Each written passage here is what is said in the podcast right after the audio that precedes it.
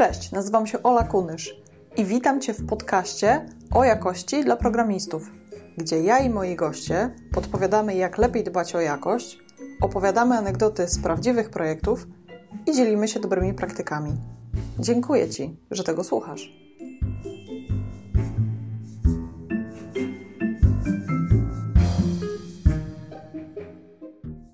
Dzisiaj moim gościem jest Olga Maciaszek-Szarma, która pracuje jako starszy inżynier w zespole Spring Cloud w VMware. Olga pracuje na co dzień w Javie i w Groovim i ma za sobą doświadczenie w pracy zarówno przy nowoczesnych systemach opartych na mikroserwisach, jak i przy rozbudowanych systemach legacy.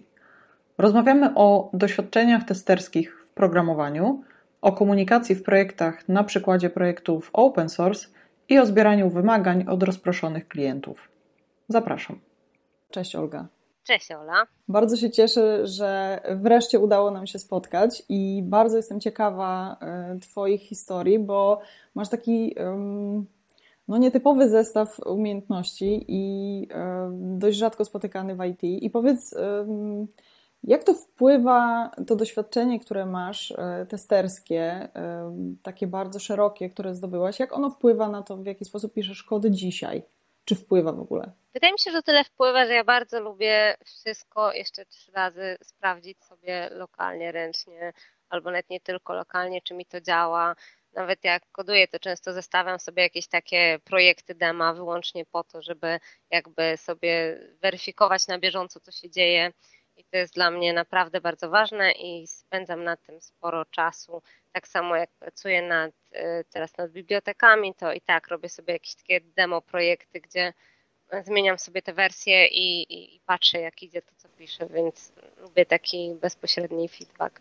Poza oczywiście testami automatycznymi, które też piszę, ale to jakby nie jest dla mnie wystarczające. Właśnie to, to co mi zostało, to to, że bardzo lubię sobie to sprawdzić faktycznie, jak to działa na jakiejś e, podniesionej aplikacji. No to jest, to jest ciekawe, co powiedziałeś, bo ja też trochę tak mam, że dopóki nie dotknę jakiejś nowej funkcjonalności, to nie mam takiej stuprocentowej pewności. To znaczy bardzo wierzę moim testom, ale jednak e, w testach manualnych e, takich, takiej pierwszej próby i, i dowiezieniu tej nowej funkcjonalności na produkcję jednak jest e, taki, takie drugie dno, bo to nie chodzi tylko o to, żeby było dobrze napisane, ale też żeby zrozumieć, kto tego będzie używał i jak. Tak, też, też wtedy wychodzi dużo takich rzeczy, na przykład o czymś nie pomyśleliśmy, a użytkownicy mogliby jakoś inaczej chcieć czegoś używać, albo że działa nam jakiś mechanizm, ale na przykład brakuje integracji z jakimś z naszych innych projektów teraz mhm. w bibliotekach, więc często takie rzeczy wychodzą właśnie jak się setupuje taki spory projekt, gdzie na przykład staramy się wszystkie te komponenty cloudowe, które nasz zespół dowozi, wkładać i, i zobaczyć, czy jak robimy jakąś zmianę, jak ona będzie wpływała na te wszystkie inne projekty, bo często jest tak, że coś się zrobi i zapomina się na przykład, że o, w tej bibliotece też musimy mieć do tego integrację. Mhm. A y, dostrzegasz takie niedociągnięcia, które są wspólne dla wszystkich projektów, że wchodzisz gdzieś i mówisz, o Boże, znowu. Nie wiem, wydaje mi się, że różne projekty mają różne niedociągnięcia mhm. i to jednak bardzo się różni zależnie od tego, jakby właśnie na czym polega projekt, czyli zupełnie inaczej mi się pracowało nad projektem, gdzie po prostu była taka typowa produkcja, czyli robiliśmy jakieś zmiany w aplikacji, która działała, tam jakieś były procesy, jakieś użytkownicy, coś można było rejestrować, coś można było zmieniać. Inaczej przy na przykład toolingu a inaczej przy bibliotece, głównie dlatego, że masz inną grupę odbiorców. Mhm. Tymi różnymi grupami odbiorców jednak inaczej się komunikujesz i oni też, no na przykład z aplikacji biznesowej wydaje mi się, że też jest spora jakby taka przestrzeń, żeby w ogóle dogadać się z biznesem i to często jest duży problem w projektach, że ludzie zaczynają implementować jakieś wymagania, czasami nawet nie będąc pewnymi, czy te wymagania zostały po pierwsze dobrze przez nich zrozumiane, a mhm. po drugie, czy one są sensowne, bo też jakby na strony z biznesu sobie często dokładają tych wymagań, które okazuje się, że one razem w zestawieniu niekoniecznie mają sens jako całość. Teraz, jeżeli się tak weźmie i po prostu będzie się je implementować od, od jednego przez kolejne do końca, nie próbując jakby o tym rozmawiać właśnie z biznesem, czy nie wiem, z sterami, czy z kimkolwiek taki, też weryfikując trochę na jakichś tam użytkownikach potencjalnych, mhm. to są z tego problemy. Na przykład przy bibliotece, ponieważ my współpracujemy z programistami, to już takich problemów nie ma. Zazwyczaj się komunikujemy przez GitHuba i, i tam ludziom zgłaszają jakieś tam issuesy i inne pomysły i jest duża dyskusja w społeczności, więc każdy może się włączyć i te rzeczy się jakoś klaryfikują, no ale z drugiej strony bywa sporo takich problemów, że przed dostajemy zgłoszenia błędów, które są błędami nie w naszych komponentach, tylko mm. w mhm. jakiejś bibliotece pod spodem, której używamy. No i też tym nic nie zrobimy, a musimy poświęcić ileś czasu, żeby, żeby to faktycznie zadziałało. Też na przykład, jeżeli się pracuje przy takiej stojącej aplikacji biznesowej, to tam często można mieć jakieś dyżury i jakieś utrzymanie i na przykład musi coś naprawiać w nocy i dużo rzeczy jest także ona teraz, mhm. więc jak pracujesz przy bibliotece, to jest trochę spokojniej o tyle, że no po prostu jak coś nie będzie skończone, a jest ważne, to przełożymy release, jakby nie mamy takiego deadline'u, że koniecznie musimy na niego zdążyć, ważniejsza jest dla nas jakość tego, mhm. no ale z drugiej strony jest ten stres, że tyle ludzi tego używa. Jasne. Z drugiej strony mogą sobie refertować do wersji wcześniej, ale czasami jest to coś takiego, co już przyniesie jakieś problemy, więc no, zazwyczaj nie mamy jakichś olbrzymich wtop, no ale zawsze trzeba mieć to w tyle głowy, że już piszemy aplikację tam na 200 użytkowników, czy, czy nawet na 1000, tylko piszemy coś, z czego naprawdę bardzo wiele firm korzysta. Mhm. A mówiłaś o tym zbieraniu wymagań. Jak się zbiera wymagania od takich rozproszonych użytkowników? No bo jeśli masz klienta i ten klient zleca ci projekt i przychodzi do ciebie i mniej więcej nawet ma nawet wizję tego, co ma być zrobione, no to powiedzmy, że jest jakaś rola do tego albo nie, zespół deweloperski może z takim klientem pracować, jest jakiś product owner, znamy te historie. A jak się pracuje w momencie, kiedy ty masz tysiące i setki tysięcy klientów i jak się zbiera te wymagania od nich? Okej, okay, to w sumie idzie mniej więcej trzytorowo, bo jedna gałąź jest związana jakby z samą firmą dla której pracujemy, bo mimo, że robimy jakiś open source, to jednak on jest tak robiony, żeby potem na bazie jego na przykład firma robiła swoje komercyjne oprogramowanie mhm. i jeżeli oni na przykład potrzebują czegoś od nas albo uważają, że coś powinno być dodane już w open source, a nie w tej warstwie komercyjnej, no to to jest dla nas priorytet, żeby coś takiego obsługiwać i na błędy od nich reagować, więc to jest jedno źródło. Mhm. Drugie źródło to jest to, jak my jako zespół obserwujemy i myślimy, w którą stronę idzie w ogóle IT, idzie programowanie i jakie trendy widzimy, na jakie trendy staramy się reagować. E, więc tej rzeczy po prostu jest tam jakimiś naszymi pomysłami. Później jeszcze zawsze tak, że są użytkownicy, którzy na przykład jakieś firmy, z którymi my intensywnie współpracujemy, na przykład taki Netflix, który jakby stworzył wiele bibliotek, które, dla których my potem dodaliśmy integrację i na przykład oni wtedy byli też zawsze brani pod uwagę, ponieważ staliśmy się to jakoś spójnie wydawać. Mhm. A jeżeli chodzi o samych użytkowników z różnych firm, tak, nie, nie wewnątrz naszej firmy albo jakichś firm, które tworzą biblioteki, my się chcemy integrować, to wszyscy zgłaszają do nas rzeczy przez GitHuba. Na GitHubie może być zawsze dyskusja, czyli po pierwsze widzimy, ile osób w ogóle jest zainteresowanych tą funkcjonalnością. Mhm a po drugie też możemy sami dyskutować z tymi pomysłami, którymi zgadzamy albo nie zgadzamy. Możemy prosić ludzi, żeby oni przedstawiali swoje pomysły, zapraszać ich do tego, żeby nawet coś nam sugerowali, jeżeli mają jakiś lepszy pomysł. I właśnie fajne jest to, że tak naprawdę społeczność może sobie przedyskutować takie miszy, to jest wszystko w jednym miejscu mhm. i na koniec można podjąć jakąś decyzję i też no, można zobaczyć, ile osób coś interesuje. Jak na przykład coś jest trudne, my uważamy, że niezbyt istotne i jest tym zainteresowana jedna osoba, no to często tak naprawdę ta osoba musi nam zwerbować więcej osób, które powiedzą, że tak, dla nich będzie istotny feature, bo po prostu nie jesteśmy w stanie wszystkiego zrobić, więc musimy mocno priorytetyzować. Mhm. Jakieś tam istotne bugi zawsze mają bardzo wysoki priorytet i no feature'y, które dla nas są kluczowe, pierwsze albo właśnie dużo użytkowników tego chce, mhm. albo nasi firmowi użytkownicy tego chcą, albo my uważamy, że to jest kierunek, który dla nas jest kluczowy i po prostu chcemy w tą stronę rozwijać to. Mhm.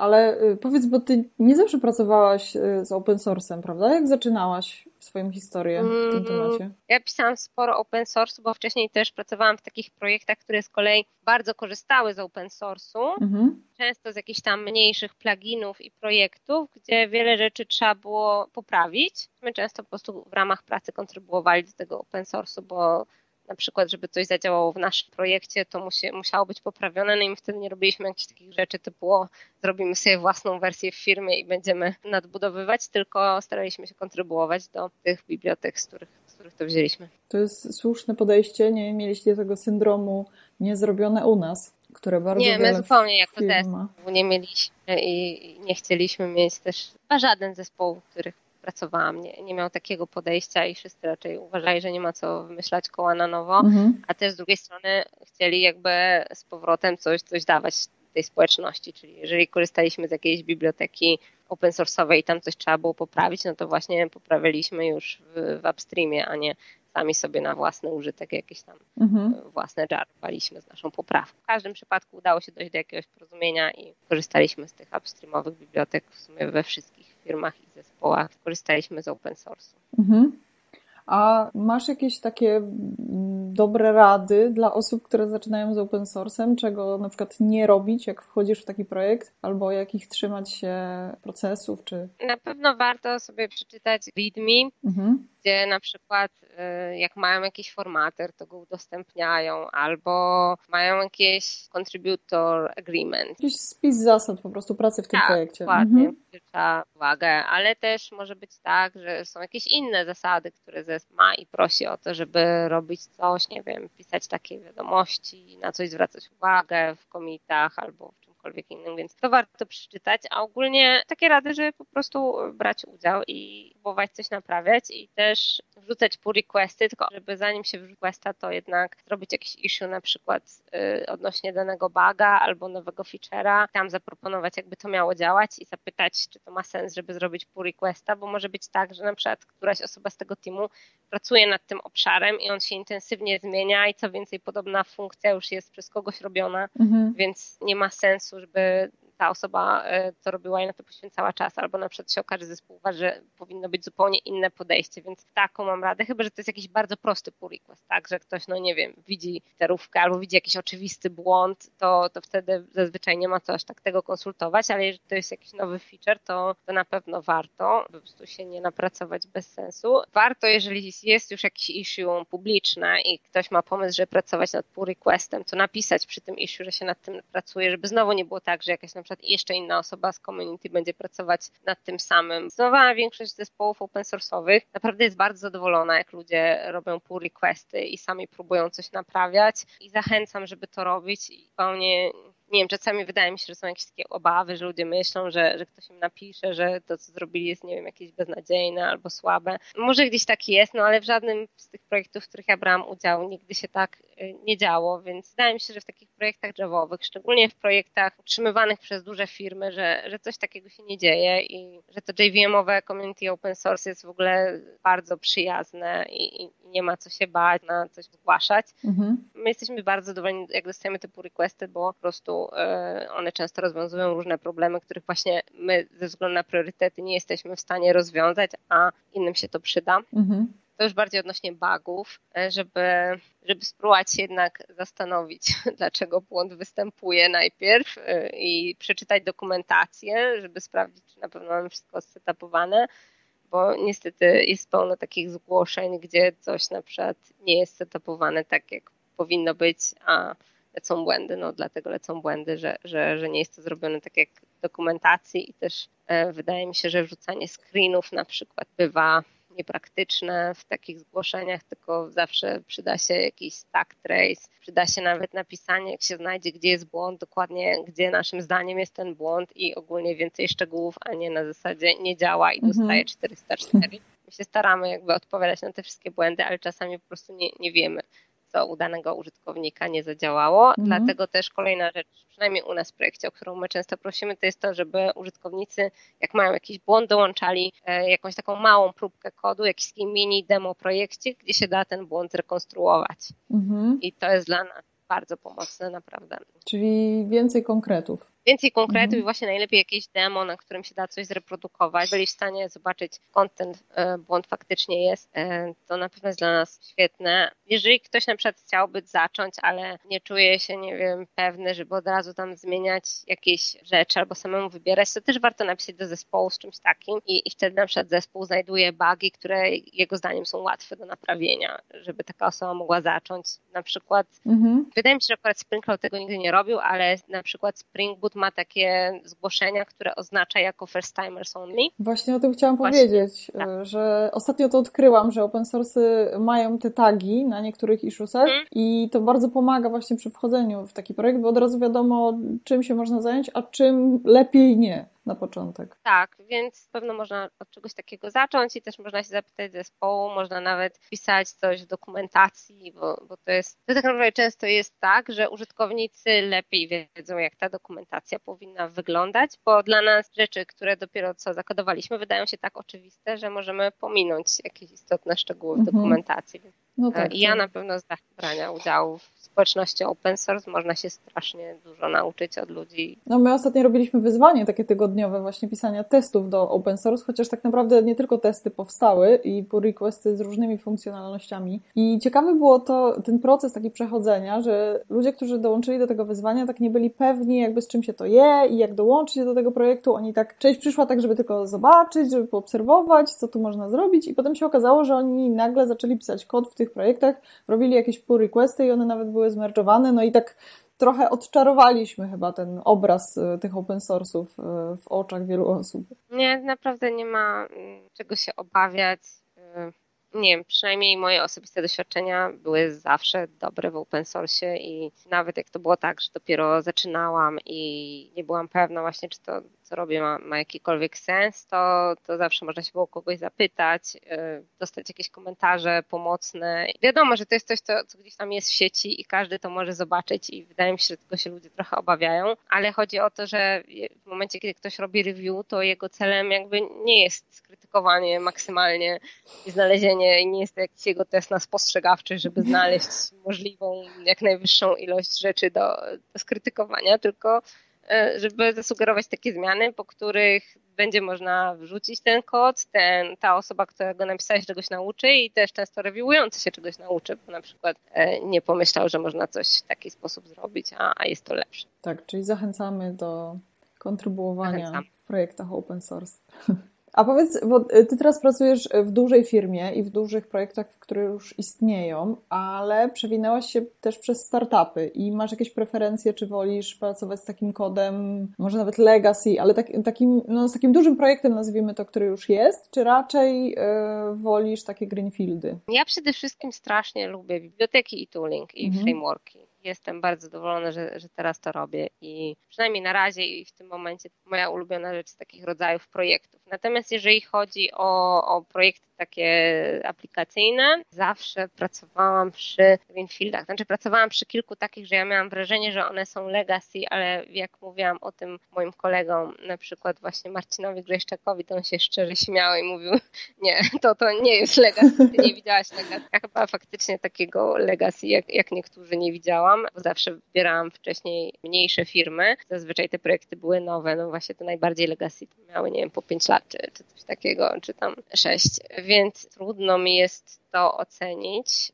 To, co mogłam zobaczyć, to pracować na przykład przy bardzo dużym monolicie i potem przy mikroserwisach. Mhm. To była dla mnie bardzo duża różnica. Jak na początku patrzyłam na te projekty i oczywiście te mikroserwisy były no, napisane zwyczaj dużo lepiej, no bo mniej osób próbowało do tej wspólnej bazy kodu tam coś swoje pomysły dobijać, więc była dużo wyższa inkapsulacja. Większy był tam potencjał z kolei do używania jakichś takich tuli na poziomie architektury, to też dla mnie było bardzo ciekawe, czyli jakieś tam integracje właśnie z zewnętrznymi frameworkami, żeby to wszystko działało po sieci. Mhm. No I to jest czym się zainteresowałam i, potem poszłam dalej w tym kierunku. No Legacy to też jest takie trochę Yeti, nie? że każdy gdzieś tam o tym mówi, a tak naprawdę ciężko jest to zdefiniować i każdy ma jakąś swoją definicję na to. Mhm, tak. Tak, no trudno stwierdzić, z którego momentu coś, coś zaczyna być legacy.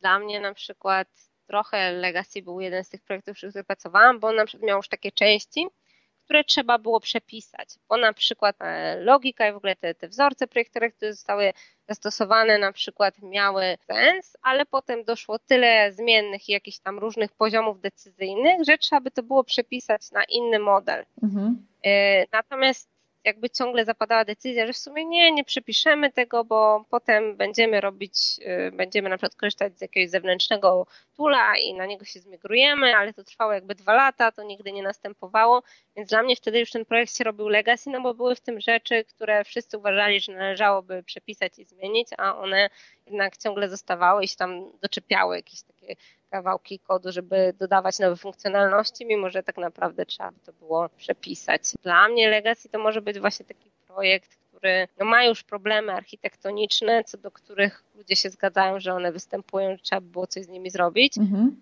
E, ale na przykład z powodów czasowych, czy zarządzania projektem, czegokolwiek, to nie jest robione, a projekt idzie dalej i to narasta. Mhm. Ale ja wrócę do tych y, mikroserwisów jeszcze, bo jednym z Twoich ulubionych tematów są testy kontraktowe. I chciałam Cię ogólnie zapytać o, o zapewnianie jakości w takim trudnym środowisku, właśnie jakim są mikroserwisy, bo tam każdy robi trochę po swojemu i każdy zespół może coś innego narzeźbić. To mogą być różne technologie, i właśnie e, jak te testy kontraktowe pomagają testy kontraktowe pozwalają nam się upewnić, że te nasze poszczególne aplikacje są w stanie się ze sobą komunikować mhm. bez dodawania jakiejś strasznej ilości testów end-to-end. No bo testy end-to-end na środowisku mikroserwisowym są trudne, mhm. ponieważ mamy przede wszystkim dużo różnych aplikacji. One po pierwsze się komunikują po sieci, mhm. czyli mm, dochodzi taka rzecz, że o ile nasze aplikacje umieją to robić, czyli mają tam różne circuit breakery, mają różne timeouty,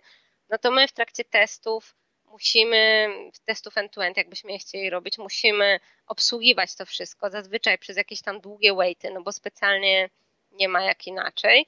Natomiast te testy się robią jakby jeszcze wolniejsze i jeszcze bardziej niestabilne niż przy takich testach monolitu. Mhm. E, to raz. Dwa, jeżeli mamy te mikroserwisy w firmie, no to mm, tak naprawdę musimy mieć jakieś środowisko, żeby je testować. Mhm. No i są wtedy trzy. Pierwsze podejście jest takie, że jest jedno środowisko testowe i tam się zestawia wszystkie aplikacje.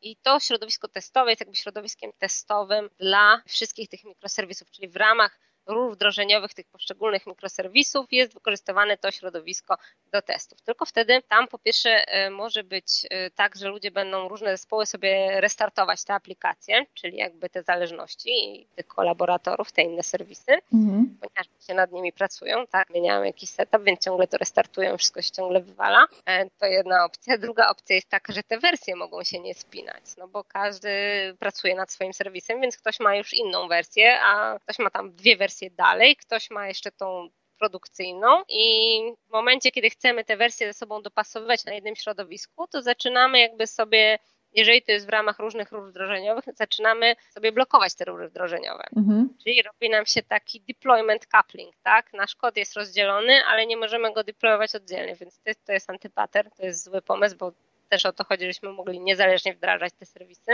Mhm.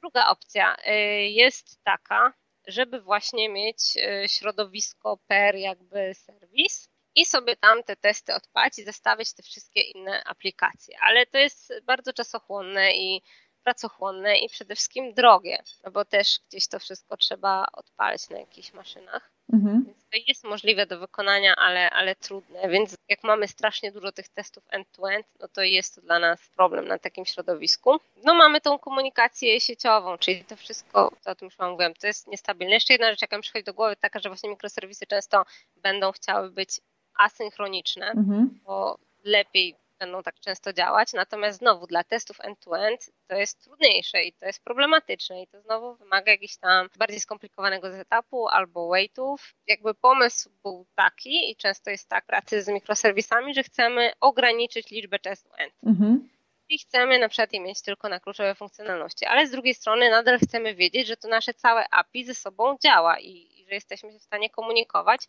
nie testując tego tak. I do tego służą testy kontraktowe, które pozwalają Ci napisać jakiś kontrakt, czyli jakiś tam zbiór zasad, jak komunikacja po API będzie wyglądać. Na przykład w przypadku HTTP to może być metoda, może być na przykład parametry, może być ciało zapytania, wszystko, co, co tam definiujemy i y, definiujemy, że jeżeli wyślemy takie zapytanie, to na przykład spodziewamy się odpowiedzi która będzie miała taki status i będzie zawierała jakąś datę, no cokolwiek. Więc spisujemy sobie takie zasady, które są skodyfikowane. Różne frameworki to różnie obsługują. Na przykład Spring Cloud Contract, przy którym y, pracuję, obsługuje tak, że się pisze w YAMLu albo w Groovy. Kodyfikuje się taki kontrakt, jak ta komunikacja wygląda i potem to, co framework dla nas robi, to robi dwie rzeczy. Z jednej strony generuje staby, czyli jakieś zaślep, akurat y, tamte są do używania w, z WireMockiem, czyli takim w pamięci serwerem HTTP. Mhm. I WireMock jest rozwiązaniem, którego można sobie używać też oddzielnie. Każdy z nas może sobie zestawić i może sam napisać sobie JSONa, że ja jako klient chcę mieć zaślepkę mojego tam producenta i, i chcę, żeby to działało tak i potem odpalę sobie te moje testy integracyjne względem WireMocka i nie będę się łączyć do faktycznego producenta. Tylko wtedy, mhm. w momencie, kiedy to klient pisze, jak API producenta wygląda, e, istnieje ryzyko graniczące z pewnością, że to API w jakimś miejscu wyglądać inaczej. Jeżeli inny zespół nad nim pracuje, zawsze ludzie się nie dogadają i często dopiero na produkcji, jeżeli nie ma testów end-to-end za dużo, okaże się, że to się ze sobą nie spina. Więc taki framework do kontraktu z jednej strony jakby zrobi te zaślepki, ale z drugiej strony zrobi w projekcie producenta automatyczne testy, które zostaną wygenerowane i które zweryfikują, że faktycznie producent ma takie app. I podobnie da się to robić dla messagingu też. Mhm. No, to jest ciekawa, ciekawa koncepcja, y, która chyba trochę wynika z tego, y, że ta komunikacja między nami jest czasami taka kanciasta i, i tak jak mówiłeś, że, że, że, zespoły się nie mogą dogadać i potem to jest taki kolejny krok, no nie? że my się jakoś tam zabezpieczamy przed tym. Tak, jeżeli coś nie jest zautomatyzowane, to nie można zakładać, y, że to jest realizowane. Mhm. Czyli na przykład tak samo w momencie, jeżeli nie automatyzujemy budowania i test w ramach procesu na przykład continuous integration, no to nie wiemy, że to działa, tak? Mm. I jakby też nie jesteśmy w stanie zapewnić, możemy powiedzieć teraz od dzisiaj każdy przed merge'owaniem do mastera ma odpalić builda lokalnie. Ale w momencie jak nie zrobimy pull requestów, gdzie te testy nie będą odpalone automatycznie, to nie jesteśmy w stanie zagwarantować, że to zawsze się dzieje. Mm. I przynajmniej z mojego doświadczenia to wynika, że o ile jest taki mały na przykład zespół, mała firma, nie wiem, tam jest kilka osób i to one są w stanie często tak pracować i, i, faktycznie każdy będzie się stosował do tych zasad. O tyle jak jest już trochę większa organizacja, to trudno jest nad tym zapanować i, i zawsze się pojawi jedna osoba, która akurat tego nie zrobi i zepsuje całego builda. Mhm. Więc tak samo jest z API, możemy mieć najlepsze chęci i w ogóle wszystko ze sobą przedyskutować, ale potem ktoś będzie miał gorszy dzień i o czymś zapomni, albo będzie mu się wydawało, że to było inaczej ustalone, albo nie wiem, ktoś zrobi literówkę i w momencie, kiedy to ma być weryfikowane na produkcji, dopiero to, to może być trochę za późno. Mm, jasne. Zwłaszcza jeśli od Twoich produktów zależą produkty innych ludzi, nie? No tak, no i jak to jest jakaś kluczowa bardzo rzecz, to i tak pewnie zrobimy ten jakiś end-to-end, ale nie chcemy ich mieć bardzo dużo, a z drugiej strony właśnie chcemy wiedzieć, że my nadal w środowisku mikroserwisowym umiemy się ze sobą komunikować. Mhm. A powiedz, jak e, jest taki mały zespół, który właśnie się umawia na to, że będą odpalać tego builda przed komitem i on się rozrasta, na przykład rozrasta się nagle i ma na przykład tylko testerów manualnych i nie ma żadnej w zasadzie automatyzacji, tylko wszystko jest na gębę tak naprawdę, to co byś poradziła takiemu zespołowi, od czego zacząć, gdzie stawiać takie pierwsze kroki w automatyzacji? Idąc takim podejściem TDD, to byśmy zaczęli od testu. Natomiast no, nie chcemy zacząć od testów, mhm. ich nie mamy, bo nie zaczęliśmy, to można się zastanowić jakby na dwóch poziomach. E, najpierw wymyśleć sobie, jak jakby te funkcjonalności mają działać w taki akceptacyjny sposób. Czyli wymyślić sobie takie scenariusze wyższego poziomu mhm. całej funkcjonalności, jak to powinno działać i wymyślić sobie jakieś takie kilka testów end-to-end, które, które byśmy mieli odpalać, mhm. a później e, zacząć dodawać te testy na niższych poziomach. No właśnie, no to jest trudne, bo wiadomo, że jak ktoś nie ma na to dedykowanego czasu i, tego nie ma, to trudno jest nagle to wszystko na szybko dodać. No to, za to warto by było na przykład wprowadzić taką zasadę, że jak ktoś dokonuje, nie wiem, zmian w jakiej, znaczy jak dodaje nową, no to w oczywisty sposób oczekujemy, że te testy będą, ale jak dokonuje zmian w jakiejś klasie, która już istnieje, to też dodaje testy od razu do tej klasy. Mhm. I, I potem testy integracyjne gdzieś tam poziom wyżej. I tak naprawdę no, trzeba trochę tych testów pododawać, żeby się czuć pewnym w tym, że ta nasza automatyzacja zastępuje tą ręczną weryfikację. To niestety się nie stanie z dnia na dzień, ale trzeba to robić, no bo właśnie pracując w takich projektach, gdzie mamy te mikroserwisy, gdzie chcemy mieć często dużo zespołów pracujących nad różnymi aplikacjami. Bardzo ważne jest, żeby móc to szybko wdrażać, e, po pierwsze, a po drugie, ewentualnie jak będą problemy na produkcji, a zawsze będą, to też to szybko wycofywać. Mhm. Więc ważne jest, żeby mieć automatyzację testów, żeby mieć porządne pipeliny, żeby umieć zrobić rollback, żeby testować też, że ten rollback nastąpi. No ale oczywiście od czegoś trzeba zacząć, więc ja bym sugerowała, żeby zaczynać od zrobić sobie kilka jakichś tam scenariuszy end-to-end na nasze faktycznie kluczowe rzeczy, mhm. a potem zacząć dodawać testy na niższym poziomie, właśnie dodawać do wszystkich nowych funkcjonalności, a jeżeli chodzi o jakieś istniejące komponenty, to wtedy, kiedy coś tam zmieniamy, od razu dodać sobie czas, żeby tam właśnie pododawać testy dla całej tej klasy. Mhm. Czyli taka bardziej ewolucja niż rewolucja. Że rewolucja mogła być lepsza, ale wydaje mi się, że jest wiele projektów, gdzie nikt się na to nie zgodzi. Mhm jest chyba takie praktyczne podejście. Oczywiście byłoby świetnie może zatrzymać się na miesiąc i tylko usiąść i napisać testy, ale tak, tylko może, to może to zrobić. Może się to udać, tak?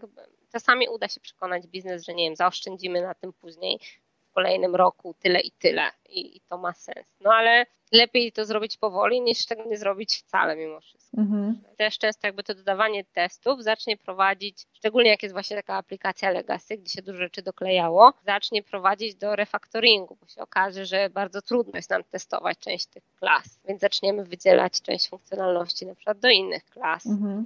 No tak, to są te kapelusze, o których mówił Martin Fowler, nie? że albo refaktoryzujesz, albo tworzysz, bo jak zaczniesz no. mieszać, to, to nic dobrego dobrego z tego nie wyniknie. I potem te takie merge z piekieł właśnie są przez to, że ludzie robią jedno i drugie, bo wchodzą do jakiejś klasy i mówią pierwsze co, o panie, kto to panu tak napisał i chcą zrobić oczywiście wszystko lepiej, a w międzyczasie jeszcze rozgrzebują inną funkcjonalność, przynajmniej jedną. No Więc lepiej najpierw zacząć od tych testów, mhm. przy okazji ksiądz testy zrefaktorować to, co, co tam się nasunie mhm. i potem ją dodać. No chyba, że zupełnie nie możemy, no to wtedy przynajmniej tą nową funkcjonalność starajmy się dodać testami, a nie bez. Mhm. E, mówiłyśmy o TDD, a powiedz, czym jest CDC i dlaczego to jest podobne do TDD? Mhm. CDC to jest Consumer Driven Contracts, mhm. czyli to jest taka praca z kontraktami, o których mówiłyśmy przed chwilą, mhm. gdzie e, tą stroną, która jakby wytycza kierunek swoją API są mhm. konsumenci tego API, czyli klienci naszych serwerów. I danym systemie mikroserwisowym jakby jedna aplikacja oczywiście zazwyczaj bywa i często przynajmniej bywa i producentem i konsumentem. Jest producentem dla jakiejś mhm. aplikacji, jest konsumentem jakiegoś tam innego serwisu. Jasne. I jeżeli chodzi o API, zazwyczaj konsument, e, czyli ta strona kliencka, to jest w ogóle paradoksalne, bo to jest, jak się nad tym zastanowić, wydaje się to bardzo oczywiste, ale mało kto zaczyna od takiego podejścia i ja też sama się przekonałam na przykład o tym, jak robiłam jakiś front, a potem do niego robiłam backend, że to było podejście w złe stronę. Czyli często zapominamy, że ta strona kliencka danego API dużo lepiej wie, jak to API powinno wyglądać, niż ta strona producencka, bo mhm. oni będą tego API po prostu używać na co dzień. Mhm. Więc oni zaczynają tworzyć y, kontrakty i oni jakby, oczywiście producent też ma coś do, do powiedzenia i na przykład w, Cloud Contracts my sugerujemy takie podejście, żeby konsument e, robił pull request producentowi, żeby producent z tym kontraktem nowym, mhm. czyli z tą propozycją tego, jak ma to API wyglądać, żeby producent mógł się do tego odnieść i ostatecznie, jeżeli zdecyduje się to zmerdżować, to musi dopisać test, musi dopisać kod, który to implementuje, bo inaczej te testy nie przejdą. Mhm. Więc to jest jakby podejście CDC. Natomiast y, łatwo tego używać do takiej pracy, takiego TDD na poziomie architektury, ponieważ może być tak, że właśnie proponujemy jakieś y, w kontrakcie jakieś API, to będzie na początku czerwone, no bo y, to API jeszcze nie jest zaimplementowane, a kontrakt jest, czyli te testy e, dla tego API automatycznie wygenerowane się wywalą. Implementujemy to API, to zaczyna nam przechodzić. Wtedy jakby nasi konsumenci albo nawet my możemy się zastanowić, hmm, może jeszcze tu coś zmienić, tutaj coś dodać, więc robimy refactoring i, i mamy to całe koło DD, TDD, czyli Red Green Refactor. Mhm. i zaczynamy jakby, e, zaczynamy od testu, czyli zaczynamy od kontraktu, który nam generuje test tego, jak to API ma działać i potem to API piszemy tak, żeby faktycznie spełniało ten kontrakt. Mhm. Czyli przy takim dobrym tworzeniu API należy, warto rozmawiać, e, warto pytać naszych konsumentów, co będą z tym API robić i w jaki sposób będą go wykorzystywać. Jak jeszcze możemy e, lepiej tworzyć API restowe na przykład? To zależy też trochę jakie API, tak? No bo jak mamy strasznie dużo konsumentów, no taki na przykład Twitter nie będzie konsultował się z ludźmi, co on będzie udostępniał w swoim API, no bo mhm. to by nie było realne. Ale jeżeli mamy właśnie jakiś tam ekosystem mikroserwisów, to warto jest zacząć od tych konsumentów, bo oni naprawdę dużo lepiej wiedzą, co im jest potrzebne. Mhm. E, w taki sposób możemy kolaboracyjnie pracować nad tym API. Też jakby mamy więcej konsumentów, czyli inne zespoły będą się mogły w to włączyć i będą sugerować swoje zmiany i razem jesteśmy w stanie wypracować taką wersję, która dla wszystkich będzie najlepsza. A jeśli chodzi na przykład o wersjonowanie, z jakimi hmm. dobrymi praktykami się spotkałaś? E, z, na przykład, no bo wiadomo, że dodawanie jest e, w większości przypadków ok, natomiast jak coś zmieniamy albo usuwamy, to wtedy zaczynają się schody, nie? My na przykład tam sugerujemy takie podejście, żeby po prostu robić zmiany kompatybilnie wsteczne i to znowu zależy, bo jak to jest nasze jakieś tam API zewnętrzne, to właśnie zazwyczaj się robi to wersjonowanie i wtedy na przykład można mieć jakieś nagłówki i mamy w nagłówku ustawione, jaka to ma być na przykład wersja naszego API. Wtedy wydajemy ileś tych wersji naraz. No i na przykład jak mamy kontrakty, no to już musimy mieć więcej tych kontraktów do tych różnych wersji. To jest uciążliwe, więc to nas trochę motywuje, żeby y, nie namnażać tych wersji, no bo pewnie nie jest dobre, żeby ich jest, mieć strasznie dużo i naraz strasznie dużo tych wersji utrzymywać. Mhm. Tylko lepiej mieć większą dyscyplinę i, i na przykład wcześniej pozbierać faktycznie wszystkie te możliwe zmiany, przedyskutować, zastanowić się nad tym i zrobić kolejną wersję, która już zostanie z nami na dłużej, a nie dodawać jakiejś rzeczy i robić nowe wersje takie, które są właśnie kompatybilnie, też nie są kompatybilne często i, i, ciągle wydawać jakieś nowe, żeby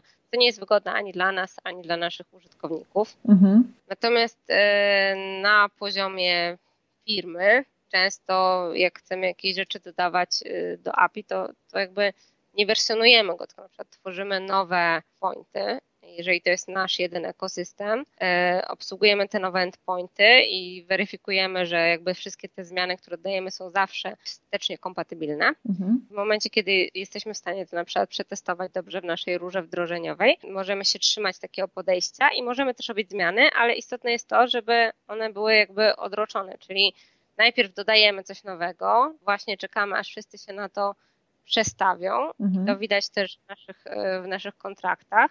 I dopiero jak wszyscy przejdą na te nowe wersje e, naszej aplikacji, to możemy wycofywać te stare, na przykład endpointy, których już nie chcemy utrzymywać. No mhm. Tylko to jest coś, co możemy robić sobie w wewnętrznym API. Na pewno nie będziemy tego robić w zewnętrznym API, tylko właśnie będziemy mieć nową wersję. Mhm. Ale mówisz, że wszyscy muszą przenieść się y, na tą nową wersję. Czy to są tak wszyscy, wszyscy, czy jak są jacyś maruderzy, którzy tam od wielu miesięcy nie chcą i albo nie mają czasu, żeby się tym zająć, to y, zmuszacie ich jakoś do tego? Znaczy to się o tyle naturalnie powinno dziać, że jak oni zaczną się testować y, w pewnym momencie wobec nowych kontraktów, zauważą, że, że już nie przejdą im te testy, tak, ponieważ oni używają właśnie stabów, czyli te staby, jak są wygenerowane z tego samego kontraktu, no to jeżeli nie ma już tego w API, to tak samo nie ma tego w tym stabie, no i się dowiedzą, że na przykład już taki endpoint nie działa. Oczywiście dobrze jest, że istnieje taka możliwość, czyli że dowiadujemy się tego wcześniej, no ale mhm. ważne jest jednak, żeby na poziomie firmy jakoś się komunikować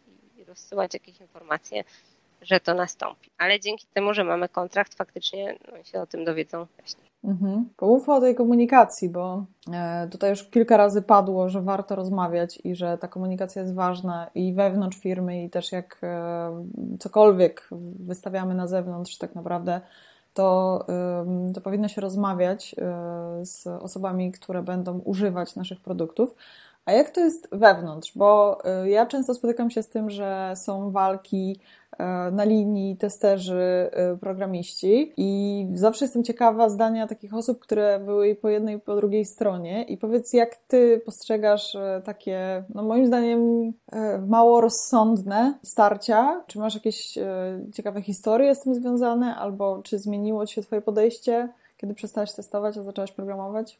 wtedy, kiedy pracowałam w testach, to myśmy się zawsze starali jednak e, jakoś dogadywać i programiści, z którymi pracowaliśmy wtedy też starali się z nami rozmawiać. Nie przypominam sobie jakichś takich wartych wojen i wiem, że czasami się słyszy jakieś takie e, dziwne historie. Natomiast ja nie mam takich negatywnych doświadczeń. Mhm. To, na co warto moim zdaniem zwrócić uwagę, to jest tak, że role się zmieniają, że mimo, że software idzie do przodu, to jest sporo takich firm, które jeszcze tak gdzieś mają taki cykl pracy, jaki był popularny, nie wiem, 15 lat temu. Mhm. E, natomiast świat się zmienia, my właśnie zazwyczaj musimy być stanie pisać e, nasz software dużo szybciej, jakby on powinien być dużo bardziej wytrzymały na jakieś zmiany i powinniśmy być w stanie szybciej reagować na jakieś tam nowe potrzeby na rynku, nowe potrzeby wśród naszych klientów i jakby jest sensowne, żeśmy to mieli podzielone właśnie na mniejsze aplikacje, które będziemy szybko wdrażać, które będziemy ewentualnie szybko rollbackować, żeby to wszystko było bardzo sprawne i, i płynne i zautomatyzowane. Mhm.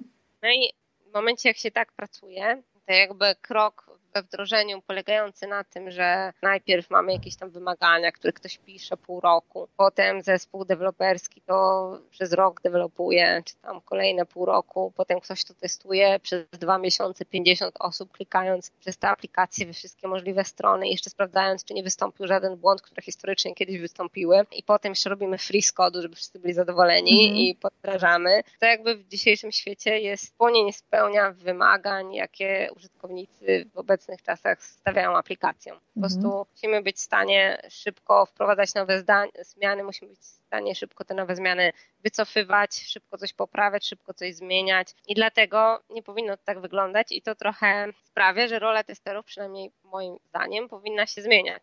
Mhm. Czyli to już nie powinny być osoby, które na przykład w dużym zespole będą weryfikować manualnie wszystkie możliwe scenariusze. My to powinniśmy mieć tak naprawdę zautomatyzowane, czyli to powinno być wszystko automatycznie przetestowane. Za to powinny to być osoby z wysokimi kompetencjami, jeżeli chodzi o e, jakość oprogramowania.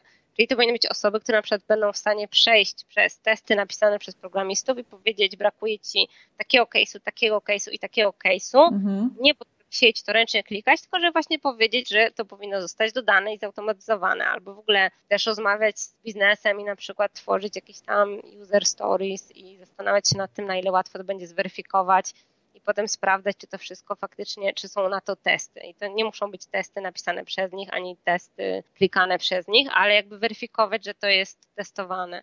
Dalej mamy jakieś takie obszary jak e, testy usability, testy eksploracyjne, testy użytkowników końcowych, którym trzeba pomóc i w ogóle jakby wytłumaczyć, jak oni to mają testować. I do tego są potrzebne osoby, które mają kompetencje po prostu, jeżeli chodzi o dziedzinę jakości oprogramowania. Mhm. Natomiast, no właśnie, takich osób jest po pierwsze, one muszą mieć często wyższe kompetencje niż to tradycyjnie bywało w takich zespołach testowych i często jest tak, że taki zespół ma dużo osób, które mają wysokie kompetencje, tak, tak również bywa, ale mimo to one wykonują zadania, które wymagają dużo niższych kompetencji, więc mi się wydaje, że po prostu testerów powinno być jakby w zespołach mniej, za to to, co oni powinni robić, to powinny być rzeczy z takiego poziomu eksperta do spraw jakości. Mhm. E, Czy taki osoby, ambasador e, jakości, a nie człowiek, który tę jakość zapewnia y, samodzielnie.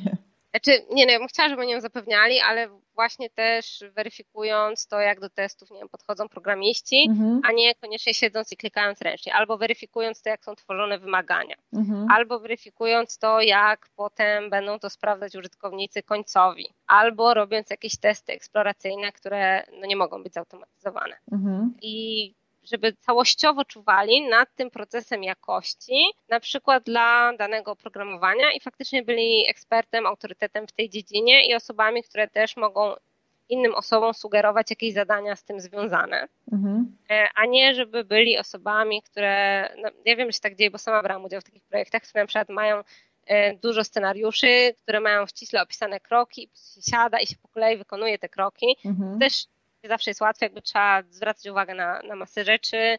E, często się wykrywa jakieś luki w ogóle w samym pomyśle na aplikację, ale tak samo mogłaby to robić osoba, która właśnie ma pewien wgląd w to, jak ta aplikacja jest rozwijana jako całość i też jest w stanie właśnie wykryć, że hmm, ten proces może jest niespójny, w ogóle może to wymaganie jest bez sensu, mhm. może to będzie jakby duże ryzyko na produkcji i taka osoba powinna to robić, powinna być taka osoba w zespole, natomiast no niekoniecznie musimy mieć takich osób 20 jeszcze po to, żeby wszystkie rzeczy, które można przetestować automatycznie, zostały przetestowane ręcznie. Mhm. Czyli ja jakby widzę dużą rolę dla inżynierów, właśnie to nawet nie, nazywam testerami, tylko bardziej inżynierami zapewnienia jakości, którzy będą i testować, ale mhm. będą dbali o jakość projektu Ogólnie. E, jako całość, mhm. tak, nie? E, natomiast no, te role się zmieniają i to jakby wymaga, żeby obie strony się gdzieś tam dostosowały. Z drugiej strony, jeżeli już mamy taką osobę i ona ma wysokie kompetencje, no to ona powinna zarabiać odpowiednio do swoich kompetencji, jakby mieć też odpowiedzialność odpowiednią do, do tych kompetencji. Mhm. Też nie powinna być traktowana jako, nie wiem, ktoś, kto kto ma mniej do powiedzenia na przykład, bo nie pisze tego programu. No nie, po prostu ma kompetencje, których często osoby piszące ten program nie mają, bo często też ma podejście, których te osoby nie mają, bo często jest tak, że jak się coś testuje, to jakby bardziej myśli się o tym, co może pójść nie tak, co może pójść źle, co może przynieść problem, a jak się coś tworzy, to często jest tak, że bardziej się myśli o tym, hmm, jak zweryfikuję, czy ta funkcjonalność działa. Na pewno działa, tak. Nawet, nawet się próbuję testować, tak? Nawet się tworzy scenariusze, no bo chcę sprawdzić, że ona działa. Nawet dodam tam ze dwa corner case'y, ale to jest jakby, to jest inny paradygmat, to jest w ogóle inne nastawienie. Mhm. I też jakby jak się samemu coś napisało, to dużo rzeczy ma się gdzieś w głowy i już się nie myśli inaczej o tym. Ma się jakby grane jakieś rozwiązanie, które się wymyśliło i no potem jak minie trochę czasu, to przechodzi. No ale na świeżo po napisaniu czegoś często trudno jest wymyślić na przykład jakieś alternatywne opcje. Mhm. Też jakby wprowadzaniem tych zmian w oprogramowaniu, dodawaniem nowych feature'ów jest związanych bardzo dużo pracy i często jak się dostaje jakieś wymagania od biznesu, to się po prostu je właśnie implementuje. Mhm. Nie ma takiego czasu na taką refleksję, żeby się zastanowić, że na przykład te 20 różnych wymagań ma pięć, które w sumie są bez sensu, bo ten proces jest realizowany przez jakąś inną część naszej aplikacji i, i często jest tak, że jakby brakuje na to czasu. Dlatego ja myślę, że, że jest dobrze, że była taka osoba w zespole, ale powinna mieć trochę inną funkcję niż często się przyjęło. Mhm. I firmy, gdzie to się zmienia. Też zdarzyło mi się pracować właśnie jako taki inżynier zapewnienia jakości w firmie, gdzie, która miała już bardziej takie podejście. Mm, też mi się zdarzało pracować właśnie w takich projektach, gdzie podchodziło do tego, że testerzy to są osoby, które powinny zrobić właśnie to, co mogą zrobić komputery, jeżeli się tylko zautomatyzuje testy. No i to było średnio sensowne, ale no, nie było tych testów, więc lepiej było mieć takie testy niż, niż żadne. Mhm. Natomiast no, mi się wydaje przynajmniej, że, że to powinno iść w tę stronę, czyli jakby mniej testerów w zespole, ale z większymi kompetencjami i z większą odpowiedzialnością i odpowiedzialnych jakby za, za całość jakości w projekcie. Mhm. No miejmy nadzieję, że to pójdzie w tą stronę, bo to, o czym mówisz, to nie są łatwe rzeczy, nie? To jest trudna rola, taka często pewnie postrzegana właśnie upierdliwie, no bo jeśli ja jako osoba pisząca kod właśnie mam te klapki na oczach i widzę tylko to, że mam coś tam dowieść na produkcję, a ktoś mi tu ciągle mówi, że, że jeszcze nie jest to wystarczająco dobre, no to no pojawia się taki wewnętrzny opór. To jest takie ludzkie, to nie jest nawet e, jakoś związane ze złymi chęciami, tylko po prostu no, my średnio przyjmujemy konstruktywną krytykę, zwłaszcza jeśli te kompetencje miękkie też nie, tutaj szwankują i ta konstruktywna krytyka nie do końca jest taka konstruktywna, ale w ogóle no, taka rola, gdzie gdzie mm, trzeba zadbać o wiele rzeczy naraz i właśnie nie robić takich rzeczy, które bardzo łatwo jest zautomatyzować, tylko zadbać o tą całość, no to, no to już jest taka fajna rola, też bardzo ciekawa, ale no bardzo trudna. Mi się wydaje, że w związku z tym, że wszystko teraz automatyzujemy, to to musi iść w tę stronę. Mhm. W sensie nie ma sensu, żeby takie powtarzalne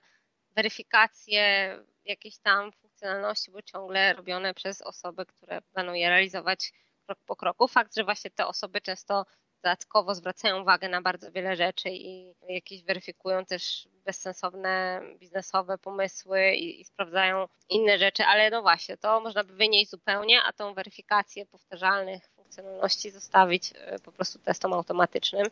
Więc mi się przynajmniej wydaje, że to musi iść w tym kierunku, że nie ma za bardzo innej możliwości. Mhm. Za to, o czym mówisz, właśnie to taka niechęć do krytyki, no też tego wynika to, że, że sami jak często piszemy testy do własnych rzeczy, to bardziej poniekąd staramy się udowodnić sobie, że to działa, niż znaleźć takie przypadki, gdzie to jednak nie zadziała. No i, i jakby każdy z nas świadomie pewnie stara się tego unikać, ale wydaje mi się, że to jest trochę taka, e, takie psychiczne nastawienie, które sprawia, że jednak właśnie jak jakieś naglą terminy, to każdy bardziej chce napisać takie testy, gdzie myśli, że, że, że wszystko będzie działać, więc też warto jest jakby samemu wejść w taką rolę testera i pomyśleć sobie, hmm, jakbym chciała sprawdzić, co, na, co może nie działać w tym, tym, moim oprogramowaniu, to jaki test bym napisała, mm. albo jak tam w przypadku brzegowych nie pokryłam, a gdzie to mogłoby się potencjalnie zepsuć, tak?